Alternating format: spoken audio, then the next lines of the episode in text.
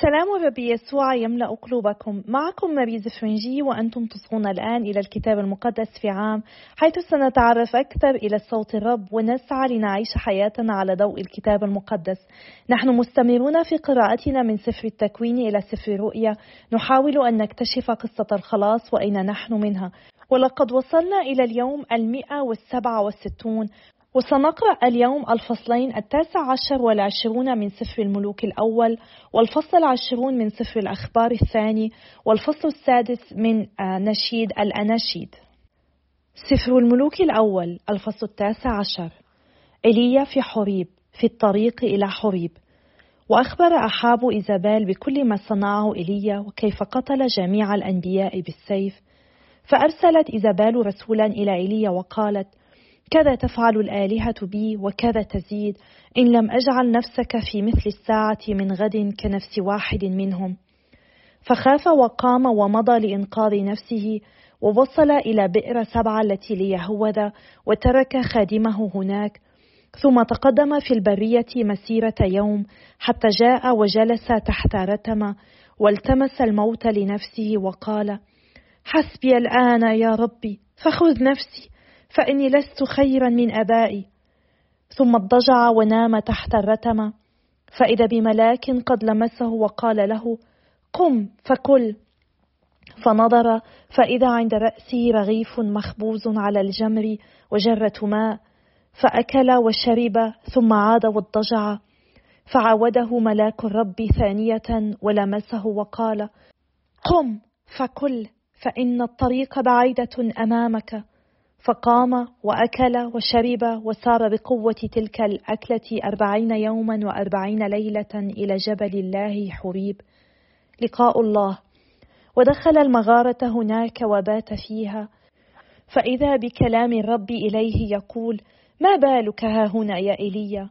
فقال إني غرت غيرة للرب إله القوات لأن بني إسرائيل قد تركوا عهدك وحطموا مذابحك وقتلوا أنبياءك بالسيف وبقيت أنا وحدي وقد طلبوا نفسي ليأخذوها. فقال الرب أخرج وقف على الجبل أمام الرب. فإذا الرب عابر وريح عظيمة وشديدة تصدع الجبال وتحطم الصخور أمام الرب ولم يكن الرب في الريح وبعد الريح زلزال ولم يكن الرب في الزلزال وبعد الزلزال نار ولم يكن الرب في النار وبعد النار صوت نسيم لطيف. فلما سمع ايليا ستر وجهه بردائه وخرج ووقف بمدخل المغارة. فإذا بصوت إليه يقول ما بالك ها هنا يا ايليا فقال إني غرت غيرة للرب إله القوات لأن بني إسرائيل قد تركوا عهدك وقوضوا مذابحك وقتلوا أنبياءك بالسيف وبقيت أنا وحدي وقد طلبوا نفسي ليأخذوها. فقال له الرب امضي فارجع في طريقك نحو برية دمشق. فإذا وصلت فامسح حزائيل ملكا على أرام وامسح يهوى ابن نمشي ملكا على إسرائيل وامسح أليشاع بن شفاط من آبل محول نبيا مكانك. فيكون أن من أفلت من سيف حزائيل يقتله ياهو ومن أفلت من سيف ياهو يقتله أليشاع ولكن قد أبقيت في إسرائيل سبعة آلاف كل ركبة لم تشث للبعل وكل فم لم يقبله. دعوة أليشاع فمضى من هناك فلقي أليشاع بن شفاط وهو يحرث وأمامه اثنا عشر فدان بقر وهو مع الثاني عشر. فمر إيليا نحوه ورمى إليه بردائه فترك البقرة ورقد وراء إيليا وقال له دعني أقبل أبي وأمي ثم أسير وراءك. فقال له اذهب راجعا فماذا صنعت بك؟ فرجع من خلفه وأخذ زوجين من البقر وذبحهما وطبخ لحمهما على أداة البقر وقدم للشعب فأكل. ثم قام ومضى مع إيليا وكان يخدمه. الفصل العشرون. الحروب الأرامية. حصار السامرة. وجمع بنهدد ملك أرام كل جيشه ومعه اثنان وثلاثون ملكا وخيل ومركبات وحاصر السامرة وحاربها. وأرسل رسلا إلى أحاب ملك إسرائيل إلى المدينة وقال له هكذا يقول بن هدد فضتك وذهبك هما لي وأزواجك وبنوك الحسان هم لي. فأجاب ملك إسرائيل وقال كما قلت يا سيدي الملك أنا وكل ما هو لي لك. فرجع الرسل وقالوا هكذا تكلم بن هدد وقال إني قد أرسلت إليك قائلا فضتك وذهبك وأزواجك وبنوك تعطيني إياهم. وإني في مثل الساعة من غد أرسل إليك خدامي ليفتشوا بيتك وبيوت خدامك فكل ما هو نفيس في عينيك يجعلونه في أيديهم ويأخذونه. فدعا ملك إسرائيل جميع شيوخ الأرض وقال اعلموا وانظروا إن هذا يطلب الشر لأنه أرسل إلي يأخذ نسائي وبني وفضتي وذهبي مع أني لم أمنعها منه. فقال له كل الشيوخ وكل الشعب لا تسمع ولا ترضى. فقال لرسل بن هدد قولوا لسيد الملك كل ما أرسلت به إلى عبدك أولا أفعله وأما هذا الأمر فلا طاقة لي به. فمضى الرسل وردوا الجواب فأرسل إليه بن هدد يقول كذا تصنع الآلهة بي وكذا تزيد إن كان تراب السامرة يكفي لأكف القوم الذين يتبعوني. فأجاب ملك إسرائيل وقال قولوا لا يفتخرن من يتقلد سيفه كمن ينزعه. فلما سمع هذا الكلام وهو يشرب مع الملوك في الأكواخ قال لرجاله استعدوا فاستعدوا للهجوم على المدينة. انتصار إسرائيل. وإذا بنبي تقدم إلى أحاب ملك إسرائيل وقال هكذا قال الرب أرأيت كل هذا الجمع العظيم ها أنا ذا أسلمه إلى يدك لتعلم أني أنا الرب. فأجاب أحاب وقال عن يد من؟ فقال هكذا قال الرب عن يد فتيان رؤساء الأقاليم. قال فمن يشن القتال؟ قال أنت. فاستعرض فتيان رؤساء الأقاليم فكانوا مئتين واثنين وثلاثين واستعرض بعضهم سائر الشعب بني إسرائيل كلهم فكانوا سبعة آلاف. فخرجوا عند الظهر وكان بن هدد يشرب ويسكر في الأكواخ هو والملوك وكانوا اثنين وثلاثين ملكا مناصرين له.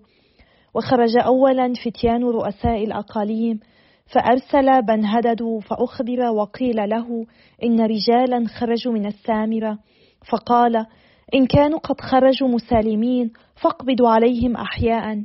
وإن كانوا قد خرجوا للقتال فاقبضوا عليهم أحياء. فخرج من المدينة فتيان رؤساء الأقاليم والجيش وراءهم. فقتل كل رجل رجله فهرب الأراميون واتبعهم إسرائيل. فأفلت بنهدد ملك أرام على فرس من الفرسان وخرج ملك إسرائيل وضرب الخيل والمركبات وضرب أرام ضربة عظيمة. الاستعداد لحملة ثانية على الآراميين.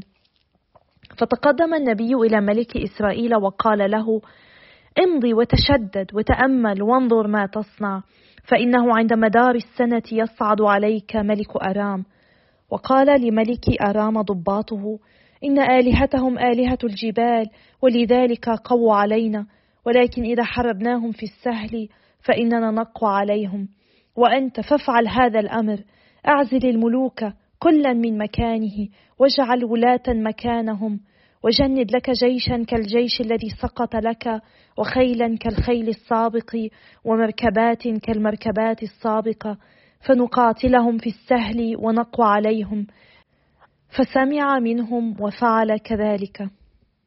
الانتصار في أفيق فلما كان مدار السنة استعرض بن هدد الأراميين وصعد إلى أفيق لمحاربة إسرائيل. واستعرض بنو إسرائيل وتزودوا وساروا للقائهم وعسكر بنو إسرائيل مقابلهم كأنهم قطعان صغيران من الماعز والأراميون قد ملأوا الأرض. فتقدم رجل الله وكلم ملك إسرائيل وقال هكذا قال الرب لأن الأراميين قالوا إن الرب هو إله الجبال لا إله السهول فإني مسلم إلى يدك هذا الجمهور العظيم كله لتعلموا أني أنا الرب.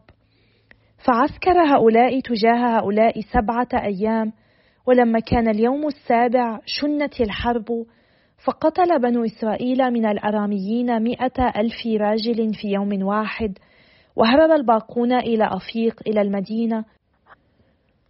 فسقط السور على السبعة والعشرين ألف رجل الذين بقوا وهرب بن هدد ودخل المدينة إلى مخدع ضمن مخدع. فقال له رجاله إننا سمعنا أن ملوك بيت إسرائيل هم ملوك رحمة فلنضع الآن مسوحا على أحقائنا وحبالا على رؤوسنا ونخرج إلى ملك إسرائيل لعله يبقي على نفسك. فشدوا مسوحا على أحقائهم وجعلوا حبالا على رؤوسهم وجاءوا إلى ملك إسرائيل وقالوا إن عبدك بن هدد يقول أسأل أن تبقي على نفسي. فقال أولا يزال حيا؟ إنما هو أخي. فاستبشر القوم وبادروا فتلقفوا الكلمة من فمه. وقالوا أخوك بن هدد. فقال هلم فأتوا به؟ فخرج إليه بن هدد فأصعده أحاب على المركبة. فقال له بن هدد المدن التي أخذها أبي من أبيك أردها إليك وتجعل لك أسواقا في دمشق كما فعل أبي في السامرة. فقال وأنا أطلقك مقابل عهد. وقطع له عهدا وأطلقه. أحد الأنبياء يدين تصرف أحاب. وإن رجلا من بني الأنبياء قال لصاحبه بأمر الرب اضربني. فأبى الرجل أن يضربه. فقال له بما أنك لم تسمع لصوت الرب فإنك عند انصرافك من عندي يقتلك أسد. فلما انصرف من عنده لقيه أسد فقتله. ثم لقي رجلا آخر فقال له اضربني. فضربه ذلك الرجل ضربة فجرحه. فمضى النبي ووقف للملك في الطريق وتنكر ببرقع على عينيه. فلما مر الملك نادى الملك وقال إن عبدك خرج في وسط القتال فإذا برجل مال وأتاني برجل وقال أحفظ هذا الرجل وإن فقد تكون نفسك بدلا من نفسه أو تزن له لي قنطارا من الفضة فبينما عبدك منشغل هنا وهناك إذا به قد فقد. فقال له ملك إسرائيل ذاك حكمك فأنت أصدرته. فبادر وأزاح البرق عن عينيه فعرف ملك إسرائيل أنه من الأنبياء. فقال له النبي هكذا قال الرب بما أنك أطلقت من يدك رجلا قد حرمته فنفسك تكون بدلا من نفسه وشعبك بدلا من شعبه. فانصرف ملك إسرائيل إلى بيته وهو واجم منقلق وجاء إلى السامرة.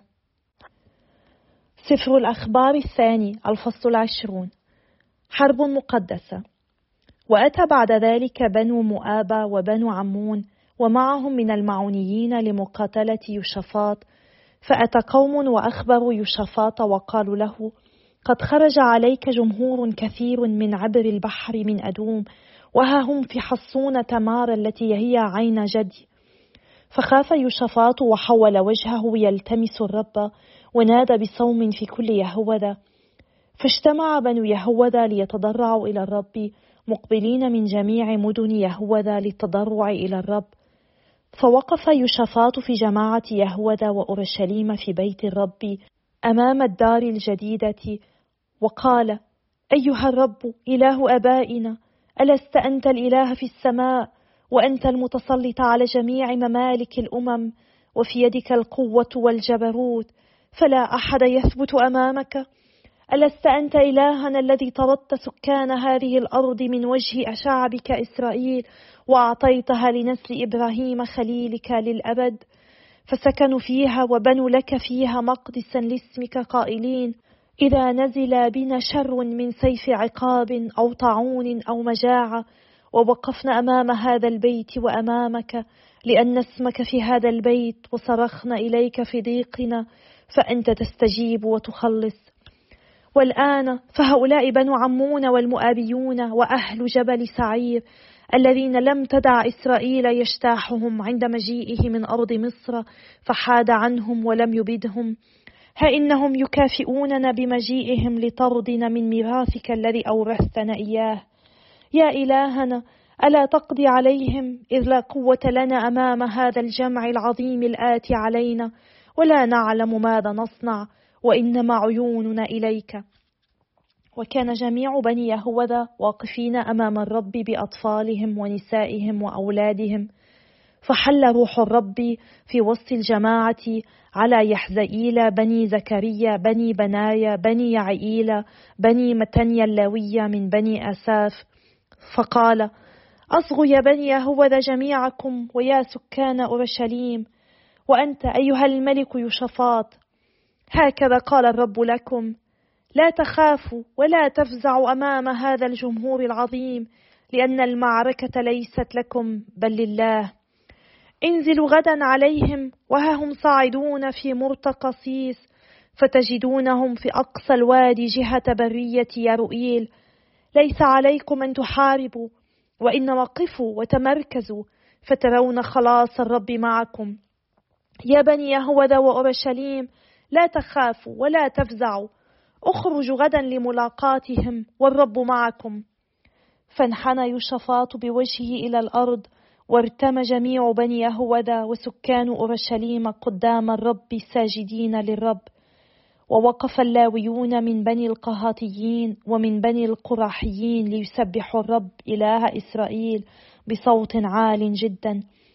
ثم بكروا في الصباح وخرجوا إلى برية تقوع وعند خروجهم وقف يشفاط وقال أصغوا إلي يا بني يهوذا ويا سكان أورشليم آمنوا بالرب إلهكم فتأمنوا. آمنوا بأنبيائه فتنجحوا. وتشاور مع الشعب وأقام مغنين للرب مسبحين في حلل مقدسة ليسيروا في مقدمة المقاتلين ويقولوا احمدوا الرب فإن للأبد رحمته. ولما أخذوا في الهتاف والتسبيح أقام كمينا على بني عمون والمؤابيين وأهل جبل سعير الذين خرجوا على يهوذا وانهزموا. وقام بنو عمون والمؤابيون على سكان جبل سعير ليحرموهم ويبيدوهم. ولما انتهوا من سكان سعير تعاونوا بعضهم على إهلاك بعض. فلما وصل بنو يهوذا إلى مطل جهة البرية تطلعوا نحو الجمهور فإذا هم جثث صرع على الأرض ولم يكن منهم ناج فأقبل يشفاط وشعبه لسلب غنائمهم فوجدوا بهائم وأموالا كثيرة وثيابا وأمتعة ثمينة فسلبوا أكثر مما أمكنهم حمله وبقوا ثلاثة أيام يسلبون الغنيمة لأنها كانت كثيرة. وفي اليوم الرابع اجتمعوا في وادي البركة لأنهم هناك باركوا الرب. فمن ثم دعي ذلك المكان وادي البركة إلى هذا اليوم. ثم رجعوا كل رجل من يهوذا وأورشليم ويوشفاط في مقدمتهم عائدين إلى أورشليم بالفرح لأن الرب فرحهم من أعدائهم. ودخلوا أورشليم بالعيدان والكنارات والأبواق إلى بيت الرب. فحل رعب الله على جميع ممالك تلك الأرض لما سمعوا بأن الرب حارب أعداء إسرائيل. وهدأت مملكة يشفاط لأن إلهه أراحه من كل جهة. نهاية الملك. وملك يشفاط على يهوذا وكان ابن خمس وثلاثين سنة حين ملك وملك في أورشليم خمسا وعشرين سنة واسم أمه عزوبة بنت شلحي وسار في طرق أبيه آسى ولم يحد عنها وصنع ما هو قويم في عيني الرب وأما المشارف فلم تزل ولم يكن الشعب قد وجه قلبه نحو إله آبائه. وبقية أخبار يوشفاط الأولى والأخيرة هي مكتوبة في أخبار ياهو بني حناني وقد دونت في سفر ملوك إسرائيل. وبعد هذا حالف يوشفاط ملك يهوذا أحزيا ملك إسرائيل الذي أساء في أعماله. حالفه لبناء سفن تذهب إلى ترشيش فبنيناها في عصيون جابر فتنبأ أليعازر بنو دوداوى من مريشة على يوشفاط قائلا لأنك حالفت أحزيا فإن الرب قد فتح ثلمة في أعمالك فتحطمت السفن ولم يمكن ذهابها إلى ترشيش. نشيد الأناشيد الفصل السادس. الجوقة أين ذهب حبيبك أيتها الجميلة في النساء؟ إلى أين توجه حبيبك؟ فنلتمسه معك الحبيب. حبيبي نزل إلى جنته إلى روضة الأطياب ليرعى في الجنات ويجمع السوسن أنا لحبيبي وحبيبي لي هو الذي يرعى بين السوسن القصيدة الخامسة الحبيب. جميلة أنت يا خليلتي كطرسة وحسناء كأورشليم ومرهوبة كصفوف تحت الرايات. حولي عني عينيك فقد غلبتاني شعرك كقطيع معز يهبط من جلعاد. أسنانك كقطيع خراف قد صعدت من الاغتسال. كل واحدة منها متئم وما فيها عاقر. خداك كنصفي رمانة من وراء نقابك. الملكات ستون والسراري ثمانون. والأبكار لا عدد لهن. لكن حمامتي كاملة وحيدة. هي وحيدة لأمها مفضلة لوالدتها. رأتها البنات فهنأنها رأتها الملكات والسرار فأثنين عليها.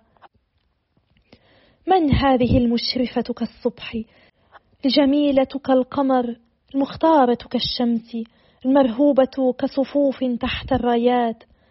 نزلت إلى جنة الجوز لأنظر إلى براعم الوادي وأرى هل أزهر الكرم ونور الرمان. فلم أشعر إلا وقد أركبت مركبات شعب الشريف. أيها الآب الأزلي إننا نسبحك نمجدك ونشكرك. نشكرك لأنك تعطينا الفرصة لكي ندخل في تاريخ الملوك تاريخ الأخبار تاريخ عائلة رب يسوع تاريخ الأشخاص الذين اخترتهم مع كل أخطائهم مع كل مصائبهم وكل انتصاراتهم. اليوم يا رب نحن نقدم لك قلوبنا ونطلب منك يا رب أن تقبلهم أن تقبل حياتنا وانتصاراتنا وهزائمنا وعيوبنا وكل ما نحن عليك. باسم يسوع نصلي آمين. باسم الآب والابن والروح القدس الإله الواحد آمين. قرأنا اليوم في سفر الملوك أنه عندما سمع إيليا تهديد إيزابيل نفذ خطتها أو للأسف خطة الشرير. عندما هرب بسرعة وأصابه بعد هذا الهرب حالة من اليأس والأحباط لدرجة أنه طلب الموت من الرب لينضم إلى آبائه. نرى هنا بعد الانتصار الكبير الذي حققه الرب عن يد إيليا نرى إيليا مع كل ضعفه نراه في كل يأسه وأحباطه ونرى الله لا يتخلى عنه. حنانه لا يتركه لأنه ابنه حتى عندما كان في ضعف روحي هو أرسل له ملاك لمسه بحنان وأيقظه وطلب منه أن يأكل وأعد له مائدة أمامه كي يأكل ويتعزى ويخرج من هذه المشاعر الحزينة. ما حدث مع ايليا يذكرنا بحالات عديدة نمر فيها جميعنا بعد أن نكون قد حققنا انتصارا أو قد قمنا بعمل مهم جدا نشعر بالأحباط. وهذا أمر يحدث أيضا معنا في حياتنا الروحية حيث نشعر بتعزيات الرب نشعر بفرح كبير ثم يتبع ذلك الشعور بالعزلة الشعور بالوحدة وكأن الله قد تخلى عنا. إن القديس إغناطيوس من لويولا يتكلم كثيرا عن هذا الموضوع ومن خلال قواعد التمييز الأربعة عشر التي يعطينا إياها في أول مجموعة من القواعد هو يشجعنا عندما نصبح في لحظات أسى لحظات عزلة وكآبة أن نتذكر لحظات التعزية وأن نثابر ونستمر ونجاهد في حياتنا الروحية حتى نستطيع أن نتخطى هذه المرحلة من الكآبة واليأس. في متابعتنا لقصة إيليا نرى أن الملاك أيضا قد أيقظه في الصباح وشجعه كي يأكل. قبل أن يقوم بالرحلة التي طلبها منه. ونحن ندرك أن إيليا قد اقترب من نهاية حياته من نهاية مهمته. وما فعله الرب مع إيليا من خلال الملاك يذكرنا بما تفعله الكنيسة في طقوسها مع الأشخاص الذين يقتربون من ساعة الموت يعطونهم الزاد الأخير في هذه اللحظات. وتكون هذه آخر مرة لهؤلاء الأشخاص يتناولون فيها جسد ودم الرب يسوع على هذه الأرض قبل أن يبدأوا مرحلة جديدة بعد موتهم. وهذا يعني أن هذا الزاد هو زاد للرحلة أن الموت ليس هو النهاية بل هو بداية الحياة التي نحن نتأمل أن نعيشها مع الرب في السماء للأبد. علينا دائما أن ننظر إلى الأمام بعيون شاخصة مركزة على الرب ورجاء بأن هناك شيء أجمل بانتظارنا هناك أبدية مع الرب. ويجب لهذا الموضوع أن لا يسمح لنا أبدا أن نفقد الرجاء أن نيأس من أي شيء نحن كمسيحيين. علينا دائما أن نعيش بثقة ورجاء أن السماء بانتظارنا. قد تأتي مرحلة من حياتنا وننظر فيها إلى الوراء ونرى أن أجمل أيام حياتنا قد مضت ولكن علينا دائما أن نتطلع إلى الأمام إلى الأبدية مع الله. ايليا قام وفعل كما طلب منه الرب وهناك التقى الرب. هو لم يلتقيه في العاصفة أو الريح القوية أو الزلزال أو النار ولكنه سمعه بصوت خافت. وهكذا الرب يتكلم معنا في هدوء في الصمت. لكن حياتنا غالبا ما تكون مليئة بالضجة لدرجة أننا لا نستطيع أن نسمع صوته. هناك قول بأن أول لغة لله هي الصمت. علينا أن نتعلم أن نصمت في صلاتنا التأملية كي نصغي إلى الله. وعندما تكلم الرب مع إيليا ظهرت محبة الله في إعادة إيليا لخدمته إذ قال له أن يذهب في طريقه ويمسح حزائيل ملكا على أرام وياهو ملكا على إسرائيل وأليشع نبيا عوضا عنه. وعندما دعا إيليا إليشع كان على إليشع أن يتخذ قرارا بأن يترك عائلته وحياته السابقة حتى يصبح تلميذا لإيليا. وهذا يعلمنا أنه عندما يدعونا الله لأي عمل روحي أو لخدمة يجب أن لا نتعطل بأمور الحياة الدنيوية. علينا أن نتذكر أن المسيح هو قدم حياته لنا على الصليب. فمهما قدمنا له هذا تعبير صغير عن امتناننا له وتجاوب بسيط مع محبته الكبيرة لكل واحد منا. في سفر الأخبار قرأنا عن الانتصار على مؤاب وبني عمون وأدوم بطريقة رائعة. إن الرب مثل عادته يظهر أمانته. عندما نكون نحن أمناء هو يحارب عنا. عندما بدأ الشعب يسبح الله ويثبت إيمانه تدخل الله بطريقة عجائبية. وقامت جيوش الأعداء بعضها على بعض فهلكوا جميعا. علينا أن نثق دائما بالرب أن نؤمن مهما كان الحل مستحيلا والأمور معقدة. إذا كنا نحن أمناء هو يستطيع أن يخلصنا بطرق قد لا تخطر على بالنا. علينا فقط أن نتكل عليه وأن نتركه يفعل ما هو يراه مناسبا. يجب علينا دائما أن نتذكر وعود الله أن نتذكر أمانته. أن نتذكر أنه لا يتخلى عنا أنه يحبنا حبا لا حدود له. فلنأخذ بعض الوقت اليوم كي نصلي من أجل هؤلاء الأشخاص الذين تقترب حياتهم من نهايتها على هذه الأرض.